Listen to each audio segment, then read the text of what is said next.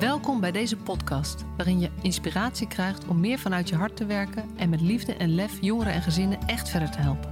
Voel je waarde, voel de passie voor je vak, voel je professional vanuit je hart.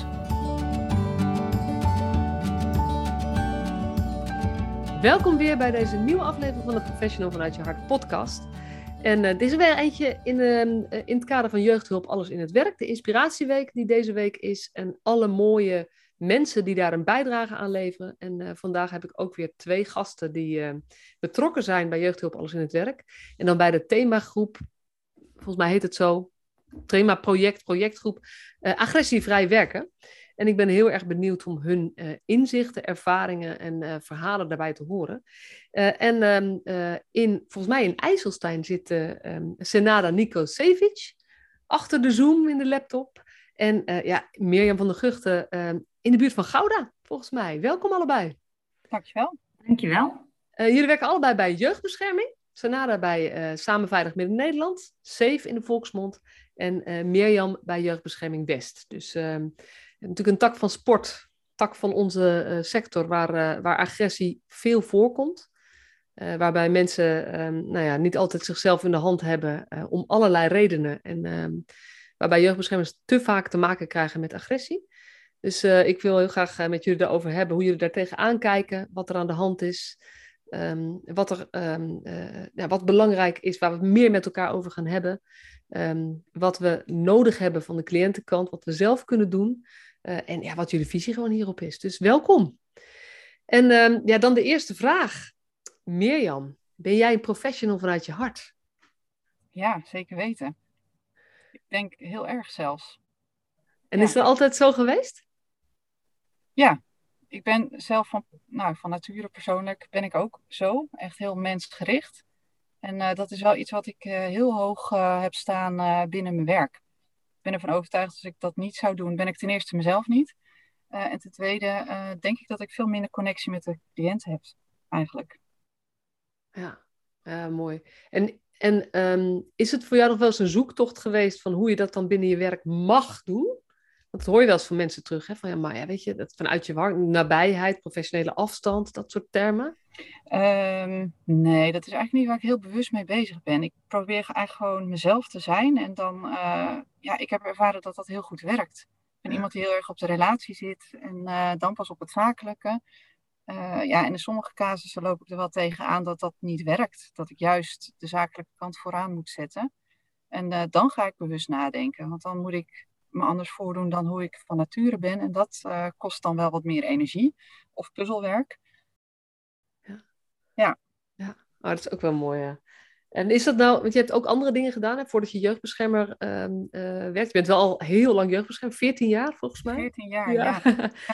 maar is het anders in je rol als jeugdbeschermer dan in andere, um, ja, toen je in de gehandicaptenzorg bijvoorbeeld werkte? Um, Nee, zo in de gehandicaptenzorg als in de psychiatrie uh, is dat ook een heel belangrijk iets. Dat je echt vanuit je hart uh, uh, toenadering zoekt bij de cliënt en probeert op dat relationele vlak meer te gaan zitten als het zakelijke. Ja, dat werkt voor mij heel fijn. Ik heb eigenlijk altijd wel, met uitzondering na natuurlijk, wel prettig contact met cliënten. Ja, ja, ook als jeugdbeschermer. Uitzonderingen daarna. Ja. Ja. ja. Ja, ik krijg gelukkig ook wel heel veel positieve dingen terug uit de samenwerking. Natuurlijk niet altijd, hè. Ik bedoel, ik heb ook genoeg, uh, helaas genoeg te maken gehad met agressie. Um, maar over het algemeen uh, kan ik wel zeggen dat ik wel tevreden ben met hoe ik het heb aangepakt. Ja, ah, mooi om te horen. Ja. Senada, dezelfde vraag voor jou. Ben jij een professional vanuit je hart? Ik uh, ga dat ook volmondig met een ja beantwoorden. Ik ben een professional vanuit mijn hart. Ja, ja. ja vanuit mijn nieren, vanuit alles in mijn lichaam. ja. Want hoe, hoe, is, hoe is dat voor jou? Weet je, ja. hoe ben je, want dat klinkt alsof ik zit precies waar ik moet zitten of zoiets. Het past helemaal bij mij hier, waar ik nu werk en wat ik doe. Uh, ja, dan gaan we een stukje geschiedenis in hoe ik hier ooit ben gekomen. Ik, uh, ja, goed, ik denk dat mijn uh, rugzakje door de ervaringen in de jaren wel zich hadden gevuld. Jonge ervaringen bedoel ik dan meer. Um, Eh, en dat heeft wel gemaakt dat ik altijd wel iets met mensen wilde gaan doen. Wat wist ik nog niet in, uh, in mijn tienerjaren. Uh, maar al vrij snel werd dat wel duidelijk. Dat ik heel graag met mensen wilde werken. maar ook wel met echt hele kwetsbare mensen. En daarom kwam ik uiteindelijk ook bij jeugdbescherming terecht. Ja, en hè, ben je hulpverlener vanuit je hart, dan, dan kan ik niet anders zeggen dan ja, want ik doe alles vanuit mijn hart. En soms zit mijn verstand me in de weg, want ik ben ook wel een denker. Dus dan uh, zit ik in mijn hoofd vast. Uh, maar uiteindelijk volg ik mijn gevoel. En um, gebruik ik juist mijn hart um, in gesprekken, in nou ja, alle andere activiteiten wat ik doe, um, neem ik mijn hart mee en ben ik, uh, ben ik daar met mijn hart. Mooi. En, en heb jij wel eens ervaren dat het, dat het lastig is om dat binnen, binnen je werk als jeugdbeschermer uh, te doen of dan daar ruimte voor te maken? Uh, nee, ik heb dat niet als les, lastig ervaren. Nee, nee, Ik, wat ik net ook al zei, soms zit het wat meer dwars in mijn hoofd, omdat ik wel over dingen heel goed nadenk en overdenk. En en dan ga ik wel weer bewust van, oké, leuk dat dat allemaal in mijn hoofd zit, maar wat, hè, wat roept het dan gevoelsmatig bij me op? En dat is mijn koers vervolgens. Ja, ja dat herken ik wel, ja. ja. Dat nadenken. Dat doe ik ook veel. ja. Nou, en de, weet je, moeten we ook niet uitschakelen, want het is voor mij wel, weet je, professional vanuit je hart heeft twee elementen. En dat ene is dat vanuit je hart, waarvan ik ook zelf heel erg geloof, als je dat als koers neemt, dan dat helpt jezelf ook. Je moet ook vooral zorgen dat, dat je dat, nou ja, dat je dat met, jezelf, met jezelf in verbinding blijft. Maar we hebben ons hoofd niet voor niks. Uh, we hebben ook een heleboel. Precies, en je hebt heel veel kennis. En, en het kan je ook helpen op momenten dat, dat, niet meer van, dat het niet vanzelfsprekend werkt. Kan je gaan nadenken, oké, maar wat zou ik dan in kunnen zetten? Dus alleen, ook wel mooi wat je zegt. Het kan ook zeg maar, je hart belemmeren. En dat moet weer niet gebeuren. Dus, uh, ja, ja, ja. ja. ik vind dat altijd ja, ik merk ook... We hadden het al over van tevoren. Hè? Dat door elkaar met z'n tweeën podcast is heel leuk. Maar het zijn twee enthousiaste mensen, eigenlijk drie enthousiaste mensen bij elkaar. Dus, um... Die heel veel willen vertellen. Senada, nee, ja, ga maar. Ah. Ja, wat ik wilde zeggen is dat ik merk dat ik, ik ben echt een, uh, een intuïtiemens. Dus ik doe heel veel op mijn intuïtie. Uh, en daar heb ik ook wel eens een blog over geschreven, over onderbuikgevoelens. Hè, dat dat mij uh, soms heel erg belemmert in mijn werk. Dat ik echt dingen uh, lijk aan te voelen van hoe het zou moeten zitten. En bijna zeker weet dat het zo is. Maar dan moet je het feitelijk zien te krijgen. Dus daar heb je heel erg dat, dat hart-verstand uh, gevecht in je hoofd. En hoe krijg je dingen feitelijk? Dat, dat is voor mij echt een uitdaging. Maar belemmert het je dan in je werk? Of is het nog steeds je grootste hulpmiddel in je werk? Alleen is het dan lastig om het nou ja, zo, zo te kunnen gebruiken, in de systeemwereld ook te kunnen terugkoppelen of zoiets? Nou, soms belemmert het in die zin dat ik dan de enige lijkt te zijn die het zo ziet. Uh, en dan bijna zeker weet dat het echt zo is. Maar dan moet ik het dus aan anderen ook aantoonbaar gaan maken dat het daadwerkelijk zo is. Ja, dat kost soms uh, heel veel tijd. Ja. En terecht, want ik bedoel, ik moet het ook kunnen onderbouwen natuurlijk. Maar uh, ja, soms kom ik er nooit uit en dat frustreert me mateloos. Joh, ah. Het is wel grappig. Ik heb een, een uh, opleiding persoonlijke ontwikkeling gedaan een aantal jaar geleden. En die een driejarige. En die ben ik gaan doen omdat ik mijn intuïtie wilde professionaliseren. Oh. Eigenlijk hetzelfde. Dat, ik herken heel erg wat je zegt. Dat soms weet je gewoon iets. Het is niet eens voelen, maar het is weten. Ja. En natuurlijk is het niet 100% zeker. Maar ik heb ook geleerd dat het zo vaak klopt dat ik het altijd durf uit te spreken. Ja. Maar het heeft mij toen wel geholpen om inderdaad te kijken, ja, je intuïtie is nooit voor niks. Er zijn altijd signalen geweest. Dus ga zelf terugdenken van welke signalen waren dat dan? Waarom je dit dan, nou ja, gewoon weet dat dit zo uh, is of zo, zeg maar. Ja, interessant. Ja, ja, dat is echt, uh, het heeft mij heel erg geholpen om ook mijn buikgevoel meer ruimte te gaan geven. Dus uh, dat is leuk. Wat weet jij nog wat jij wou zeggen? Nou, dan wou je gewoon hierop reageren. Dat kan ook. En ik heb geen idee meer wat ik wilde zeggen. Misschien is het een mooie... Ik mooie... helemaal afgeleid door het mooie... verhaal van Nia. Ja. ja, het is mooi hè? Misschien een ja. mooi, mooi dingetje van de, de agressievrij werken. Weet je, dat is in de jeugdbescherming... Uh, uh, nou ja, dit, het krijgt gelukkig afgelopen jaren meer aandacht. Uh, en dat kan, we hadden het van tevoren al eventjes over, dat kan heel erg kort zijn te zeggen, ja, weet je, agressie mag gewoon niet. Wat zo is. Ehm, eh, en we, moeten daarin meer doen, maar we moeten ook dingen doen om agressie te voorkomen. Dus, dus ik ben benieuwd waar jullie mee bezig zijn geweest rondom dit thema. En ja, wat, hoe jullie daarover denken, wat daarvoor uh, dingen naar voren zijn gekomen. Ja, ik, neem dan, uh, ik neem jullie dan mee in, in de start en waar we nu staan. doe ik even een hele beknopte samenvatting. Wij zijn in januari 2021 als projectteam gestart.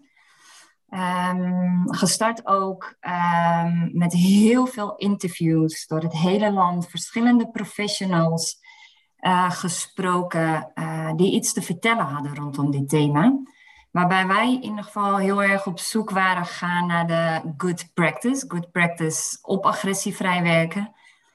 Um, en dat was nog een uitdaging, omdat het best wel een groot thema is. Het komt uh, zowel bij de jeugdbescherming voor als gewoon bij de andere zorgaanbieders, op de groepen, noem het maar op. Het komt in alle lagen van jeugdhulp, um, komt het voor.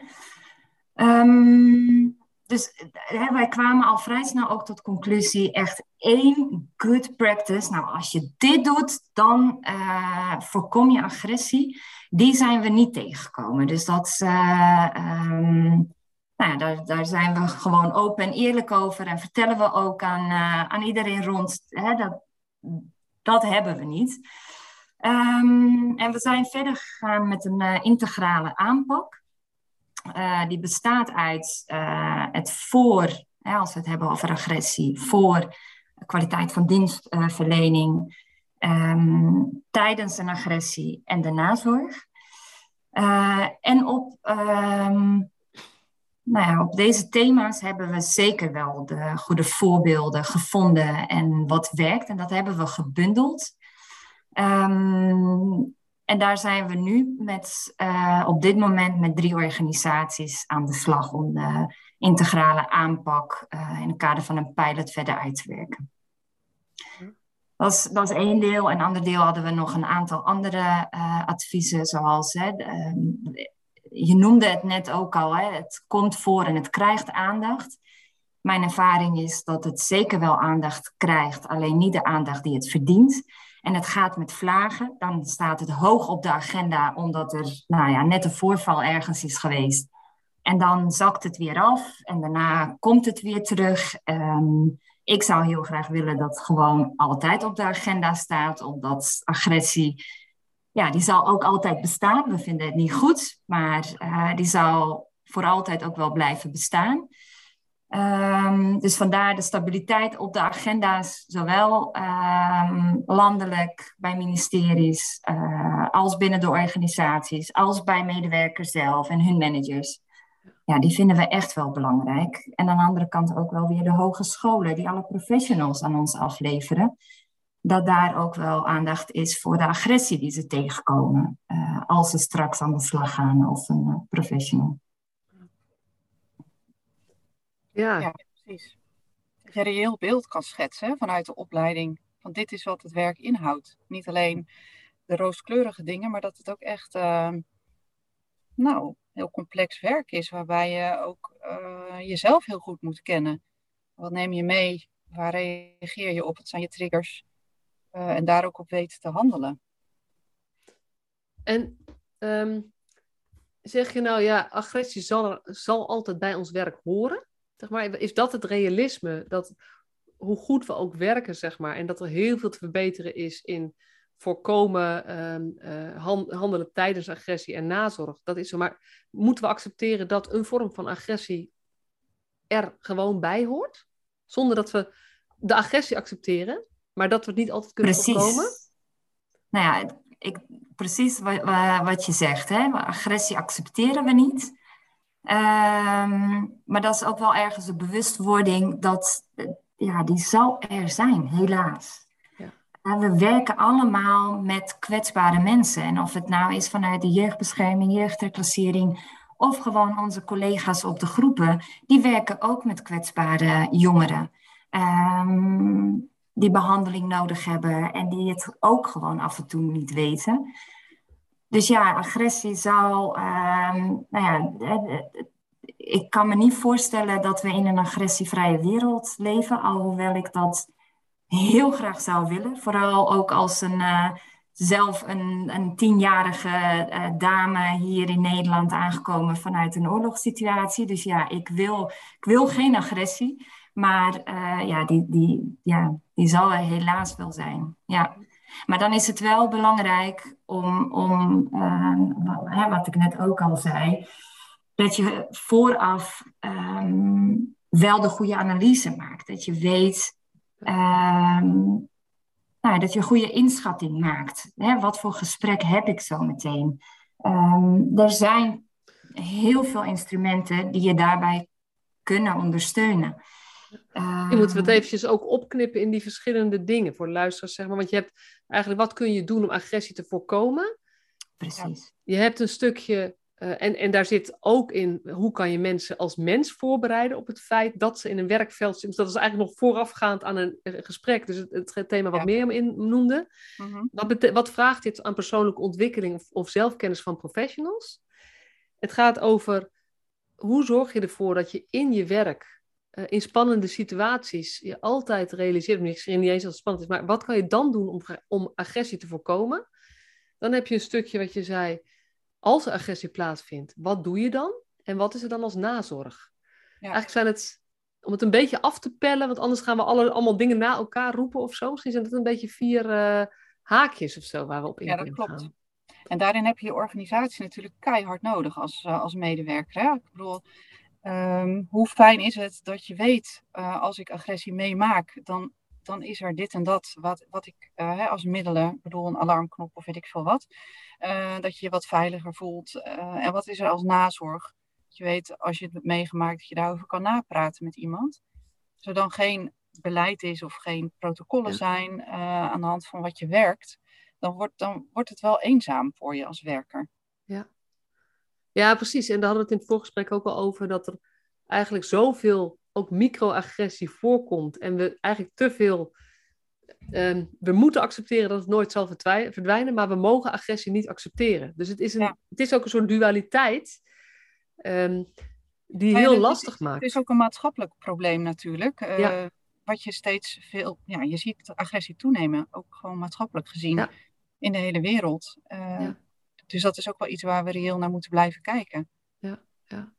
En uh, eh, geen utopie gaan schetsen dat, uh, dat je agressievrij kan werken. Dat ja. zou inderdaad, wat Sanada zegt, uh, fantastisch zijn als dat kan. Ja. Maar ja, goed, we hebben ook te maken met hoogbelovende emoties, beslissingen die niet mals zijn. Dus emoties zijn ook te begrijpen. maar wanneer wordt het agressie en wat, wat accepteer je daar dan van? Ja, ja precies. Want, want dat is weer dat stuk persoonlijke ontwikkeling, zeg maar. Weet je, wat is agressie, maar wat accepteren van en hoe reageer je dan? Daarvoor moet je heel goed jezelf kennen. Misschien is dat het, zullen we het gewoon even in volgorde soort van doen. Wat er, daar, daar uh, met jezelf kennen. Want dat, dat thema begon je net al, ben je al drie keer over begonnen volgens mij, Mirjam. Kan je er wat meer over vertellen, wat je ermee bedoelt? Ja, dat vind ik ook een heel belangrijk thema. Want ik denk als je jezelf niet goed genoeg kent, dat je ook niet goed weet wanneer je agressie juist um, kan deescaleren of het juist escaleert door je houding, je gedrag. Um, uh, ja, ik denk dat het een heel belangrijk is dat je weet wat zijn mijn triggers, hoe kom ik over in een gesprek, wat ga ik doen als de, degene tegenover mij zijn stem gaat verheffen, ga ik dan mee of doe ik wat anders. Dus ik denk dat het heel belangrijk is om dat in ieder geval scherp te hebben voor jezelf. Um, en hoe dan? Hoe, hoe krijg je dat scherp? Ja, ik denk uh, dat je daar op de opleiding ook wel vanuit intervisiemomenten veel van meekrijgt. Maar ik denk dat de beste les toch wel de werkvloer is, waar je elkaar als collega's uh, scherp moet blijven houden. En moet durven aanspreken dat de houding van je collega in dat gesprek misschien juist wel wat escalerend werkte. En, en dat uh, is nog best eng om je collega's daarop aan te spreken, zeker als je net werkt. Ja, precies. En, en aanspreken is dan meteen met dat je, dat je er ook echt iets van vindt. En soms begint het bij, en dat iets vrij blij, iets, iets makkelijk is, om daar eens een vraag over te gaan stellen. Ja, of het erover te hebben tijdens intervisiemomenten. Hè? Dat dat een ja. thema is van hoe reageert iedereen uh, in bepaalde stressmomenten of zo. Ja. Ja. Dat je dat uh, helder hebt van elkaar. En dan ook sneller kan zeggen, joh, uh, volgens mij gebeurde dit net in dat gesprek. Ja. En, en als ik jou goed begrijp, het is eigenlijk belangrijk dat dit los van incidenten die wel of niet plaatsvinden, juist eigenlijk helemaal los van uh, uh, wat er in het hier en nu gebeurt, dat dit eigenlijk onderdeel zou moeten zijn van begeleiding van medewerkers of van zeg maar, begeleiding van elkaar van medewerkers. Dat dit een van de belangrijkste thema's is. Als we het hebben over dat het agressievrijer wordt, moeten we hier beginnen. Want dan moeten we niet beginnen bij de, bij, de, bij de knop die je kan indrukken. Nee. Nee, het is heel fijn om te weten dat die er zeer zeker is. Hè? Want ik bedoel, soms is het gewoon niet te voorkomen en maak je het mee. En dan nog is het natuurlijk een heel persoonlijk iets hoe je iets opvat. Hè? De een uh, heeft die, uh, die grens, we hebben het wel eens over de zero tolerance, ehm, de zero tolerance lijn. Voor de een is die sneller bereikt dan voor de ander. En in verschillende situaties bijvoorbeeld sneller bereikt. En dat je dan ook accepteert en respecteert dat sommige mensen al bij bijvoorbeeld een ernstige ziekte die waardoor je een familielid bent verloren, al van slag is en de ander pas als die fysiek wordt aangevallen. Ja. Ik denk dat dat ook een heel belangrijk eh, iets is. Ja, dat die individuele verschillen er zijn en we daar rekening mee hebben te houden. Ja, dat je maar, maar betekent dat dan ook dat je dat de norm van wanneer noemen we iets agressie of wanneer gaan we er iets van vinden of wanneer gaan we bijvoorbeeld richting of aangifte of een, nou ja, een streng gesprek met, met degene met wie dat gebeurt, moet dat dan ook afhankelijk zijn van de tolerantiegrens van de medewerker of moet daar wel een, een organisatienorm of een sectornorm zijn? Ik uh, vind dat daar, uh, het begint ook wel ergens bij de visie uh, binnen organisatie. Wat vinden we van, van agressie? Um, en wat is de organisatienorm? Dus dat begint zeker in de eerste instantie ook wel bij de, bij de agressie, bij de organisatie, sorry. Ja. ja. ja, En, en, dan denk ik altijd, de, de organisatie kan niet praten. Dus het begint eigenlijk bij mensen binnen de organisatie die gaan nadenken over, hé, hey, wat roept dit bij mij op? Wat gebeurt er eigenlijk bij mij? Met elkaar gaan praten en ontdekken dat ze daar verschillende gevoelens, ideeën, gedachten, oordelen, normen, waarden bij hebben. En via dat gesprek kan je naar een organisatienorm toe groeien. Ja, en hoe fantastisch is het, dat, dat ga ik wel even benoemen, um, dat je als je als medewerker mee mag denken in dat beleid. Want je weet vanuit je werkervaring zo goed hoe het voelt, wat je meemaakt en wat het beste helpt. Uh, ik heb het geluk dat ik dat dus mag nu. Uh, maar er zijn natuurlijk genoeg organisaties die dat uh, vaststellen met, met beleidsmedewerkers. Niks ten nadele van beleidsmedewerkers, absoluut niet. Voor hen is het lastig om in te denken hoe zoiets voelt en wat je echt gaat helpen. Ja. ja. Dus Dat, dat, daar zou ik voor pleiten, dat iedere organisatie in ieder geval uh, een medewerker uit het werkveld uh, vraagt mee te denken in dat beleid. Ja, ja en even om, om het nogmaals te benadrukken vanuit ons projectgroep, uh, zullen we dat zeker ook aanmoedigen. Omdat als het gaat om het beleid schrijven op agressievrij werken, dan is het, nou ja, vinden we bijna wel noodzakelijk dat medewerkers om wie het gaat betrokken worden bij het opstellen van, van het beleidstuk. Wij zijn uh, na de zomer 2021 uh, bij ons intern uh, binnen Samen Veilig Midden-Nederland ook gestart met het herschrijven van het agressiebeleid. Nou, dat is heel fijn om te zien dat er vanuit verschillende afdelingen afgevaardigden zijn die, die behoren tot het projectgroep intern. En maar dan heb ik het ook over receptie, hè, want ook zij maken agressie mee.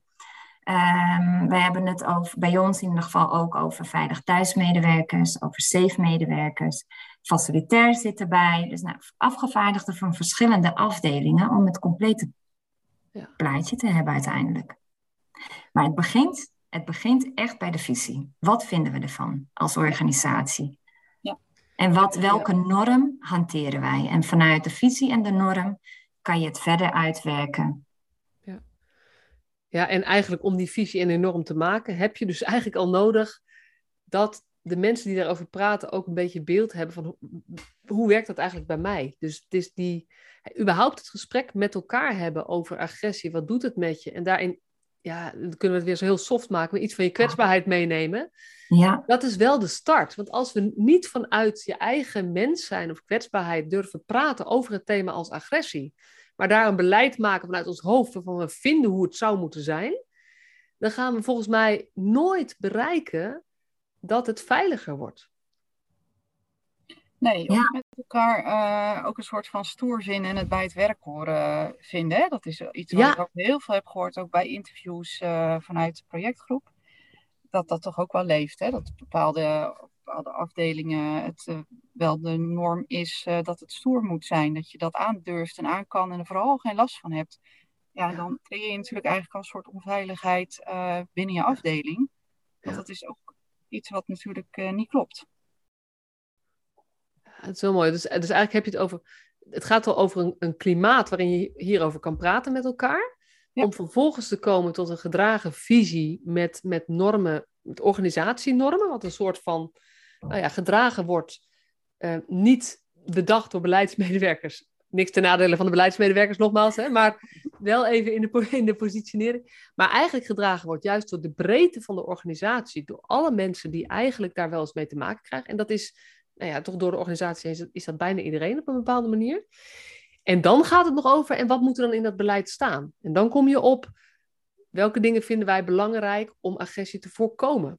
Wat, en nou ja, daar ging je al even op in, uh, zo, nou, misschien nog even op terug kunnen komen. Want je zei van, ja, je kan gewoon... Ja, ik, ik wilde nog even als aanvullen, want dit is best wel groot, hè, op, uh, uh, op groot, op organisatieniveau. Maar ik wil hier ook gebruik van maken om de teams gewoon je eigen. Hou het ook klein. Hou het alsjeblieft ook klein en binnen je eigen team. En bespreek ook binnen je eigen team thema agressie. Uh, er zijn bij FCB ook wel uh, agressiespellen te bestellen. Nou, dat is een middel die je kan inzetten, die je kan ondersteunen. Uh, om het gesprek met elkaar aan te gaan, omdat het nou toch, ja, je moet je kwetsbaar opstellen. Moeten, moeten is een groot woord, maar zou fijn zijn als, als je dat, als de veiligheid in een team er is, dat dat ook kan. Maar het is een middel die je daar wel in kan ondersteunen in teams. Dus maak daar alsjeblieft ook gebruik van en ga. Ja, één, ja, we vinden organisatie, daar start het. Uh, het, het, is ook ergens, wat neem je zelf mee? Wie ben ik? Wat Mirjam er net ook al zei, je neemt jezelf, nou dat zei je niet, maar zo vertaal ik hem even. Je neemt jezelf mee als een instrument uh, vaak. Uh, maar ga ook in teams, uh, in je eigen team, met, met de mensen met wie je gewoon vaker samenwerkt. Juist dit soort thema's op kaart zetten. Hoe gaan we hier nou mee om? Hoe bespreken we dit? Hoe, wat vinden wij belangrijk? Ehm, hoe signaleer ik bijvoorbeeld bij, bij jou, Mirjam, dat, dat, dat, dat je toch iets naars hebt meegemaakt. Um, omdat ik misschien wel weet dat jij het moeilijk vindt om dat uh, te bespreken en te benoemen. Nou ja, omdat je je stoer, omdat je een beetje van de stoere kant bent, bijvoorbeeld. Nou, en hoe vaak zeggen we wel niet, ja, het hoort nou eenmaal bij ons werk. Ja. Hoezo hoort het eenmaal bij ons werk? Ja. ja. Nee. Nou ja, je zou dat kunnen onder... Ik denk op een bepaalde manier moeten we accepteren dat een bepaalde vorm van agressie er nu eenmaal bij hoort. Maar dat wil nog niks zeggen um, dat we, weet je, juist daarom moeten we meer zorg hebben voor de mensen die werken in een situatie waarin je dit kunt meemaken. En daar gaat het denk ik heel erg over. Uh, het gaat over normeren en vervolgens accepteren dat welke norm we ook hebben, dat het zal blijven gebeuren. Soms helaas, omdat we niet in het paradijs leven. Um, en vervolgens gaat het over, en, en hoe zorgen we dan dat in deze omstandigheden de professionals die dit doen en die dit meemaken, de mensen die dit meemaken, dat daar wel goede zorg voor is. Dat is op teamniveau, collega's onderling, en dat is ook organisatieniveau. Zeker. Ja. ja. Ja, en dan nog, nog een stap. Hè. Dat, is ook nog, um, wat kan je er zelf ook nog doen, aan doen? Um, er zijn verschillende trainingen. Um, om, om, daarop door te gaan. Hoe, uh, nou ja, ik noem er even een, de deescalerende gespreksvoering. Hoe, uh, hoe deescaleer je bepaalde gevoelens. Uh, maar ook je eigen grenzen stellen. het begint ook wel bij weer, hè, wat is je eigen grens? Want mijn grens kan iets anders zijn dan van iemand anders. Maar die heel goed kennen. Um, dus nou ja, dat zijn de hulpmiddelen, denk ik, als we het hebben. Uh, als we in die vier vakjes waar, waar je in het begin over had, als we daarnaar kijken, is dat, um, is dat vooraf in ieder geval wel heel belangrijk. Ja. En je had het ook al, weet je, en als het dan gaat over er komt een spannend gesprek aan, dan kan je ook gewoon op dat level gewoon op inhoud kijken. Oké, maar hoe, welke serieuze risico's zitten hier nu in? En wat, kan ik, wat, wat moet ik doen om in dit gesprek het zo veilig mogelijk te maken, denk ik. Ja, voor jezelf en voor de cliënt om wie het gaat. Ja. Kunnen jullie er iets over, misschien meer, maar hoe, hoe, hoe doe jij dat zelf? Ehm, ja, ik merk dat ik daarin heel veel uh, heb aan mijn collega's, mijn directe collega's uit mijn kleine team, zeg maar. Ehm, ja, als ik denk dat ik iets spannends ga uh, vertellen, dan ga ik überhaupt al niet alleen. Dan neem ik een uh, collega mee. Of als ik op huisbezoek ga en ik vertrouw het toch niet helemaal, dan neem ik iemand mee. Of ik heb ook wel eens gehad dat ik in gesprek zat en ik wist dat de boodschap heel heftig ging overkomen. Uh, en we wisten ook de karaktereigenschappen van de persoon tegenover mij en mijn collega. Uh, waarop we gevraagd hebben of de politie een beetje in de buurt wilde rondrijden. Hè, voor, voor zowel onze eigen veiligheid als van de cliënt.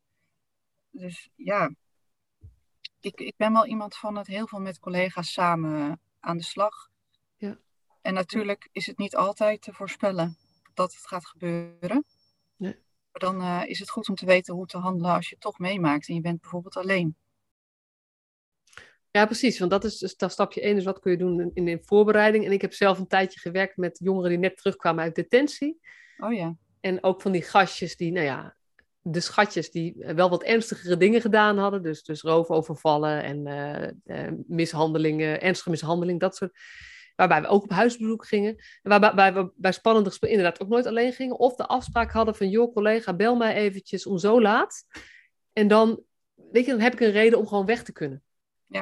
Van bel me even dat je me nodig hebt. Gewoon, en dat je dan een telefoon moet opnemen. Dan kan je, en dan kan, je, kan je veilig uit die situatie weg. Dus er zijn allerlei trucjes, dingetjes, hulpmiddelen te bedenken. waarbij je meer regie houdt over uh, zulke soort situaties. Nou, en ik heb ook wel eens met cliënten ook open en eerlijk besproken. Uh, bijvoorbeeld één iemand, uh, een meneer waar ik bij thuis kwam. en die heeft een keer agressie laten zien. en daar hebben we het daarna over gehad. En toen zei hij: Ja, maar ik heb gezegd: ga mijn huis uit. en je bleef zitten. Dus toen wist ik, ah, heb ik met hem afgesproken. Dus voortaan als jij dat aangeeft, is dat dus serieuze zaak. Dat betekent dat ik moet opstaan en weg moet gaan. En vanaf die tijd hebben we het op die manier aangepakt. En ben ik ook serieus weggegaan als hij dat uh, zei. Ja, en dan, dan voorkom je ook iets. Dan kan je daarna wel weer even de boel laten rusten, weer terugkomen op het gesprek. Dus soms helpt het ook om het gewoon open te gooien en met de cliënt te bekijken van wat, wat helpt jou? Wat kan ik doen om, om te deescaleren? Ja, nou en eigenlijk is het, als ik dit even vertaal in welke op welke manier escaleren wij soms dingen, is eigenlijk niet goed genoeg luisteren naar de ander. In dit geval geeft hij iets aan en hebben we dat toch niet gedaan. Ja. Wat zeg maar, en dat is niet altijd zo, maar dat is wel weer het stukje waar je zelf in kunt groeien. Van hey, hoe, hoe, echt luister ik naar wat er op dat moment aan de hand is? En, en doe ik dat ook of blijf ik zitten omdat ik mijn eigen uh, plan of agenda of whatever in mijn hoofd heb? Mhm. En vind ik dat belangrijker dan wat er op dat moment gebeurt? Ja. Dus, dus een mooi voorbeeld ook. Hey, en dan eventjes een stapje naar die situaties waar je dan in terecht kunt komen. Hè? Weet je, je bereidt het zo goed mogelijk voor om te voorkomen, maar er, soms gebeurt het dat je er in, in zo'n situatie zit. Wat, wat hebben jullie daarin?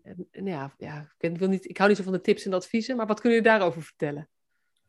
Wegrennen. Ja? nee. Uh, ik denk dat er uh, ook even ruimte moet zijn voor wat grapjes, toch? Ja hoor, zeker. Um, zeker. Nou, wegrennen is, is, weet je, blijven zitten omdat je niet... Eh, situatie. Ja. Dat, dat is geen grapje, dat, dat, dat meen ik oprecht. Hè? Dus als het echt wel uh, heel gevaarlijk is, uh, dan, dan moet je echt de benen nemen en wegrennen. Um, ja, als je eenmaal in een situatie komt hè, die voor jou uh, grensoverschrijdend agressief is, uh, of hoe dan ook, dan, uh, dan ja, is de eerste stap om, om, het, om het te begrenzen en het stop te zetten. Um, en uit het dus gesprek weg te lopen. Dus eigenlijk op dat moment gewoon eigenlijk te zeggen, dit gaat wat mij betreft te ver. Punt. En op wat voor manier dan ook, welke woorden je gebruikt. Uh, dat in ieder geval doen. Dat is het eerste wat je moet doen en duidelijk ook. Ja. ja. ja. En er zijn natuurlijk veel situaties waarin je dat probeert en waarin dat niet helpt. En dan? Nou ja, ik kondig het inderdaad ook wel vaak aan als dat gebeurt. Dat ik zeg, de manier waarop we nu uh, met elkaar in gesprek gaan, vind ik die prettig. Ik verwacht een andere houding. Mocht het niet lukken, dan stoppen we het gesprek.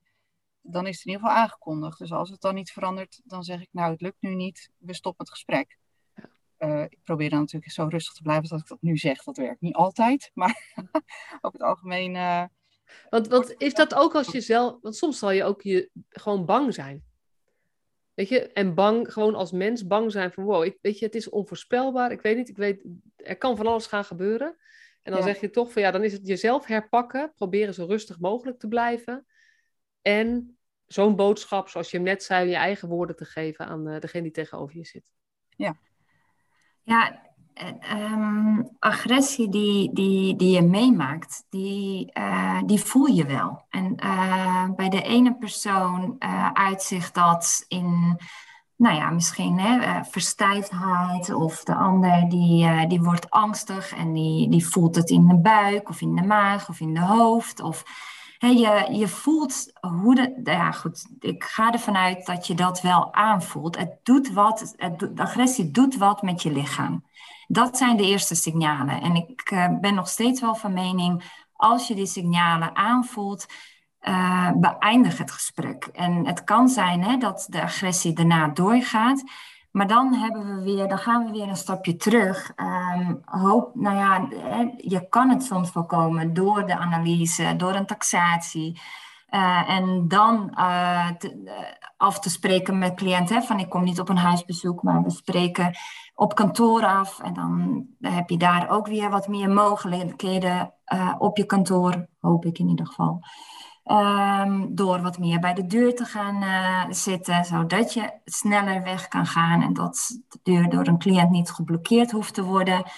Um, nou, misschien ook wel een pieper, een veiligheidspieper, zodat de collega's je kunnen komen ondersteunen. Uh, dat zijn de middelen die je dan vervolgens in kan zetten als, uh, nou, als, als het op dat moment niet stopt. Ja. Maar luister naar je eigen signalen die je lichaam aangeeft.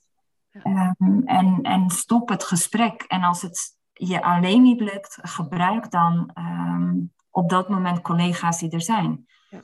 ja, en dat is wat anders wanneer je aan een keukentafel bij mensen zit. He, want dan, uh, dan, heb je, he, dan heb je geen collega's, heb je geen pieper. Je hebt jezelf weer alleen als instrument. Um, maar ook daarin pak je spullen, en verlaat, verlaat de woning, verlaat het huis.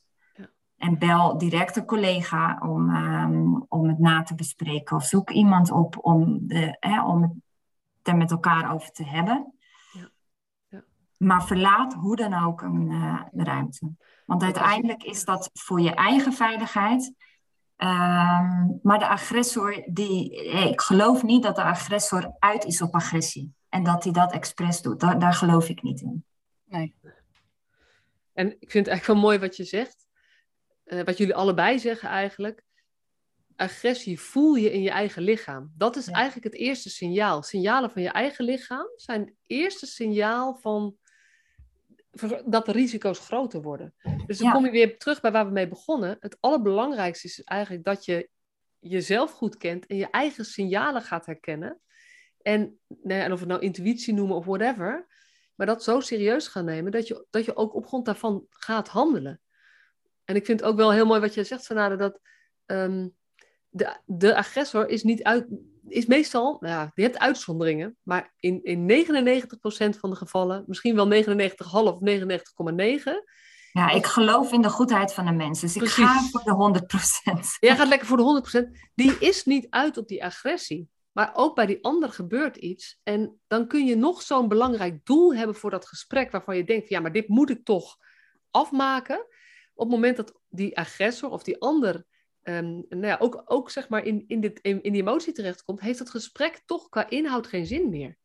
Dus het heeft geen zin meer om op dat moment door te praten. En het is voor nee. allebei veiliger om dan gewoon weg te gaan en te kijken hoe gaan we er vervolgens het contact weer oppakken. Want op het moment dat er daadwerkelijk agressie plaatsvindt, gaat er aan twee kanten ook iets kapot.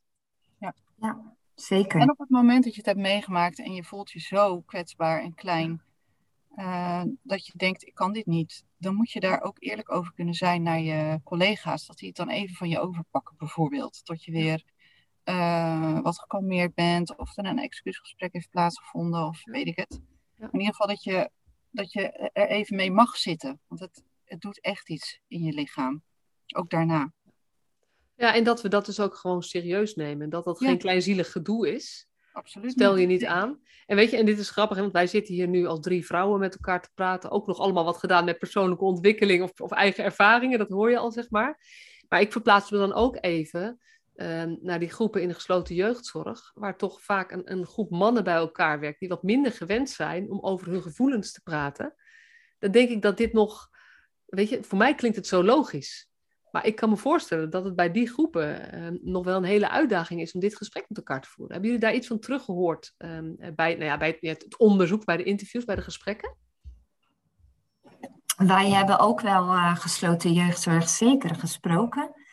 Um, het beleid wat zij hebben op agressie is wel anders dan bijvoorbeeld bij ons binnen jeugdbescherming. zij zijn daar wel wat meer gefocust op directe veiligheid en hebben ook wel wat meer middelen in huis die ze in kunnen zetten. En wij mogen zelf een cliënt niet vastpakken wat dan ook. En daar kunnen ze wel, hebben ze toch, nou ja, ze hebben wel iets meer uh, middelen uh, om in te zetten. Maar dan kom je vervolgens op het gesprek uh, daarvoor of daarna. Of, nou ja. Um, ja, en die is, die, ja, die vind ik wel ingewikkeld, omdat het ook wel weer een andere cultuur is binnen gesloten jeugd, jeugdzorg. Ja, en, en als je dan luistert naar de ervaringsverhalen van jongeren, zijn, je noemt even het vastpakken bijvoorbeeld, Ehm, als reactie op ingressie, kunnen we zeggen, ja, ze hebben meer middelen, want dat mogen zij. Maar als je naar de cliënten, uh, zeg maar de oud-jongeren luistert, dan zijn dat voor hen de ervaringen die zij nu als traumatische ervaring uh, meenemen. Dus, dus het, is ook, het is ook echt nog wel zoeken um, hoe je dat dan doet. Dus misschien is het ook juist voor hen wel, het, eigenlijk waar we het nu over hebben, dit gesprek veel meer over, hey, wat doet het met jezelf, wat gebeurt er en hoe kan je jezelf managen en het Ehm, dat als daar meer focus op komt, in plaats van de middelen wat we kunnen doen in een situatie met agressie, dat zou het wel anders maken, denk ik. Ja, dat is denk ik ook wel mijn boodschap uh, hier. Dat um, je wil voorkomen dat je in een situatie terechtkomt waar je op in moet grijpen. Um, en ik, dat, dat is denk ik echt wel zoeken in, in hoe doe ik dat preventief en wat is helpend. Wat is helpend voor mij? Wat, wat, wat, nou ja, wat, welke verantwoordelijkheden heeft mijn team, mijn organisatie? Wat is de verantwoordelijkheid van de mensen om wie het gaat? Dat is wel een zoektocht. Maar dat is wel een hele uitdagende en een mooie zoektocht om juist, um, nou ja, de, gevolgen die uh, een agressieincident heeft voor de agressor als degene, de professional die het meemaakt, die zijn veel groter. Dus uh, ga alsjeblieft uh, juist de uitdaging aan om te zoeken naar preventie. Wat helpt mij? Hoe kan ik, hoe kan ik beter aansluiten? Of hoe kan ik mezelf daarin beter meenemen? Mezelf leren kennen, begrenzen, deescaleren ja, wat kan ik er nog meer over zeggen? nou, Mirjam ging tegelijkertijd, jij begon iets met mannen. Begon je iets over te zeggen? Nou ja, het ging natuurlijk over het voorbeeld een, een uh, team vol mannen op een gesloten uh, setting. Uh, ik denk dat dat in feite niet heel veel zou moeten verschillen van een team vol vrouwen op een andere setting. behalve dan dat mannen misschien minder gewend zijn de diepte in te gaan. Uh, maar ik denk dat dat ook niet hoeft. Als je als team van elkaar weet waar de triggers van elkaar liggen, hè, hoe je reageert op agressie, uh, dat je dan uh, elkaar best in de gaten kan houden. En dan hoef je niet zo ver de diepte in te gaan, maar je kan het er nog wel steeds over hebben. Maar eigenlijk hoor ik jullie allebei zeggen, als het gaat over agressievrij werken, dan gaat het veel meer over het gesprek hoe voorkomen we agressie, dan over het gesprek welke middelen hebben we nog meer om om te gaan met agressie. Niet dat het tweede gesprek niet gevoerd moet worden, maar het eerste gesprek is het belangrijkste. Ja. Nee, en ik wil er, uh, het eerste gesprek is inderdaad belangrijk. Uh, de tweede is belangrijk en ik wil er nog een derde toevoegen. Want um, het komt helaas echt wel voor dat je agressie meemaakt. En dan is het nazorg uh, ook heel belangrijk. En dat is ook een gesprek wat met elkaar gevoerd moet worden. En dan heb je naar mijn idee het cirkeltje rond. Precies, dat was de vierde bolletje waar we nog niet aan toe waren gekomen. Ja, ja. Want dat is, ik, ik denk dat dat ook waar is. En dat, dat vraagt al dat we ons realiseren met z'n allen dat agressie iets met je doet. En dat we dat eigenlijk als uitgangspunt nemen. Dus dat als iemand zoiets meemaakt, niet meer de vraag is van, goh, heb je er nog last van? Maar dat we eigenlijk gewoon ervan uitgaan dat dit impact heeft op iemand. En dat we veel meer zoeken naar, joh, weet je, wat betekent het voor jou? En als iemand er helemaal geen last van heeft, is dat, zegt dat ook iets. Want wat, waar, zeg maar, hoe bescherm jij jezelf dan, zeg maar? En, en hoeveel contact heb je dan met je mens zijn? Maar je kan ook denken dat je, de, dat je er geen last meer van hebt. Hè? Als ik uit eigen ervaring spreek, ik heb een heftige uh, um, incident meegemaakt, wat echt heel veel met mij heeft gedaan. Op een gegeven moment dacht ik, nou, volgens mij ben ik er overheen. Prima. Uh, totdat er maanden later een excuusgesprek met de cliënt en het OM uh, kwam. En toen brak ik. Dus toen dacht ik, huh? ik was helemaal verbaasd dat het er nog zat. En dat ik brak waar de cliënt bij zat.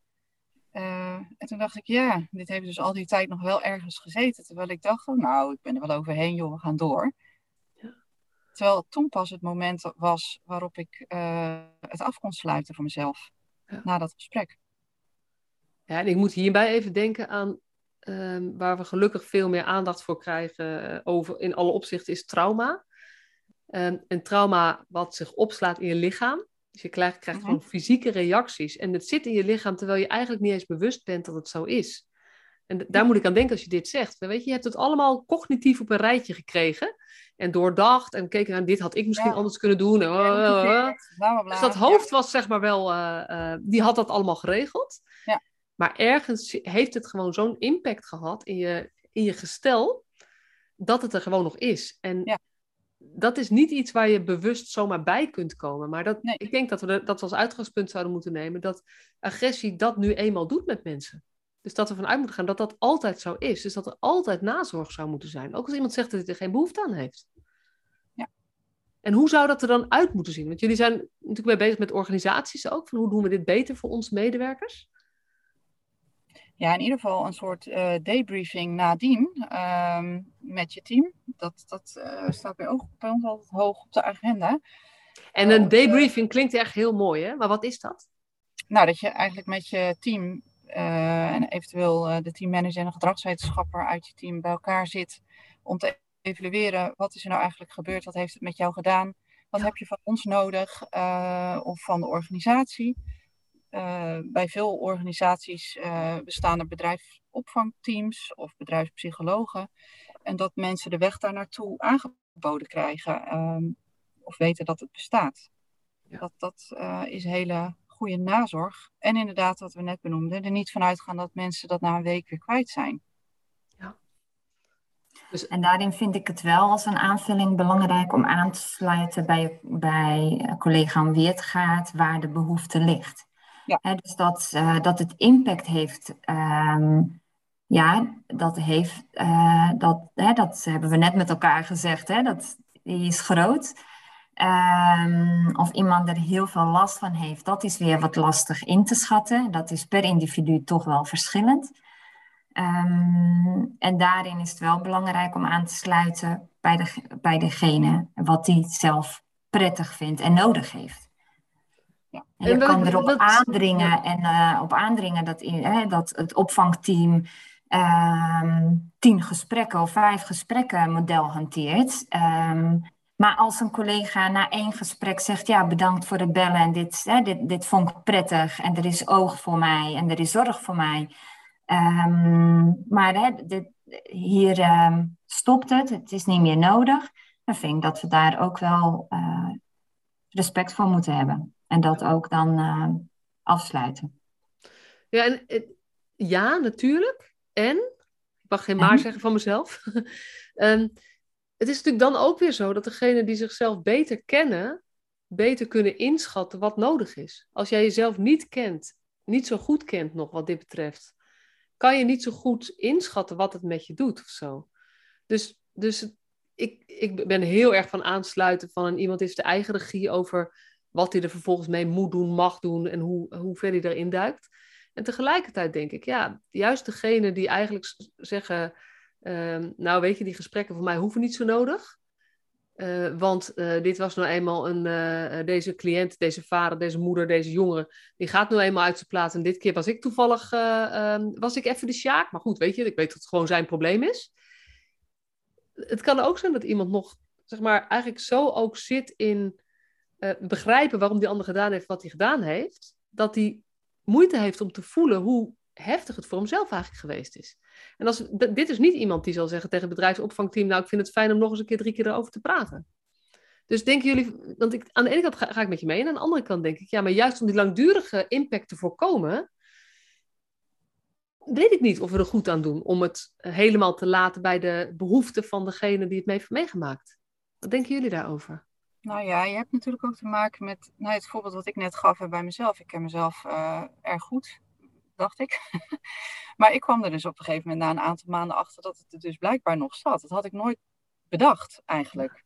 Dus ik denk ook dat uh, in de nazorg direct daarna is belangrijk. Maar ik denk dat we er ook op moeten gaan insteken.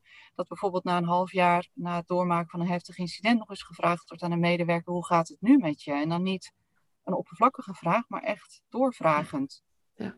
Ja. En misschien bij uh, ziekte, burn-out, toch ook eens kijken, komt het van werkdruk of uh, heb je een uh, ernstig incident meegemaakt dat je nog dwars zit? Ja, nou en dan, en dan heel erg belangrijk, ook aansluitend wat jullie in het begin zeiden, dat wij geen norm hebben over wat een heftig incident is. Maar dat we eigenlijk, eigenlijk vanuit het eerste gesprek hoor je ook hoe iemand erover praat en of iemand het als heftig heeft ervaren. En dat is eigenlijk het enige wat daarbij dan relevant is. Ja. Dus uh, in plaats van dat we dan een vinklijstje krijgen van nou, als, als iemand een klap heeft gekregen, doen we dit. Als iemand uitgescholden is, doen we dat. Als iemand uh, de deur geblokkeerd is, dan doen we dat, zeg maar. maar dat... Ja, nee, niet nog een lijstje hoor. We nee, hè? Nee, maar dat is wel, weet je, dat, dat, is natuurlijk wel een beetje hoe wij gewend zijn om um, nou ja, met, met dit soort dingen om te gaan. Is dat een soort we willen allemaal checklisten hebben om, die, eh, hè, om af te kunnen vinken. Oh ja, als we dat hebben gedaan, dan uh, kunnen we het afvinken, dan doen we het zo. Nee, dit, dit blijft mensenwerk. We sluiten aan bij onze cliënten. We, hè, we gaan met, um, in gesprek met cliënten. Um, en daarin is belangrijk dat we ook gewoon weten hoe we voor onszelf goed kunnen zorgen. Ja, ja. En ook dat is en dat vind ik echt heel mooi hoe jullie daarover verteld hebben. Um, ook dat zouden we veel meer op maat moeten doen dan we tot nu toe gedaan hebben. Waarbij het toch veel meer geweest is, dit is de norm van onze organisatie. Ja, hier heb je nou eenmaal mee te dealen. Dit vinden wij reden voor een aangifte. Um, omdat het heel erg gaat ook over uh, hoe het voor mensen zelf is. We moeten veel meer, als we zeggen, prof, de professional is toch het instrument, moeten we ook veel meer oog hebben voordat die instrumenten nu eenmaal verschillend zijn. En dat we daarmee te dealen hebben. En, en nou ja, ik geloof heel erg in parallele processen. Ja. Instrumenten. Ja, ja, en het is ook een parallel proces. Weet je, we roepen allemaal ja, op maat voor de cliënt. En dat vinden we al heel ingewikkeld. Maar als we willen dat de professionals dat meer gaan doen, zullen wij ook veel meer op maat. Nou ja, in zorg vind ik dan bijna een verkeerd woord. Maar veel meer op maat, zeg maar, moeten aansluiten bij wat de verschillende professionals nodig hebben. Ja, mooi gezegd. Zeker, ja. Hey, onwijs bedankt voor, uh, voor wat jullie gedeeld hebben, ook uh, over jezelf, hoe je het zelf ervaren hebt. Uh, en um, iedereen die meer wil weten over dit project, want er is veel meer over te vertellen, um, qua opbrengsten ook, qua ideeën. En wat Senada ook zei, er zijn een aantal pilotorganisaties die dit nu expliciet als organisatie um, mee aan de slag gaan. Dan kunnen jullie die informatie vinden op jeugdhulpallesinhetwerk.nl. Um, en uh, ja, je kan natuurlijk contact opnemen met Senada of met Mirjam. Want die uh, zijn van harte betrokken en die uh, willen heel graag ook jou helpen om hier op een eigen manier binnen je eigen plek, je eigen organisatie, meer gesprekken over te voeren. Ja. Dank, dank jullie wel. Zeker, weet ons te vinden.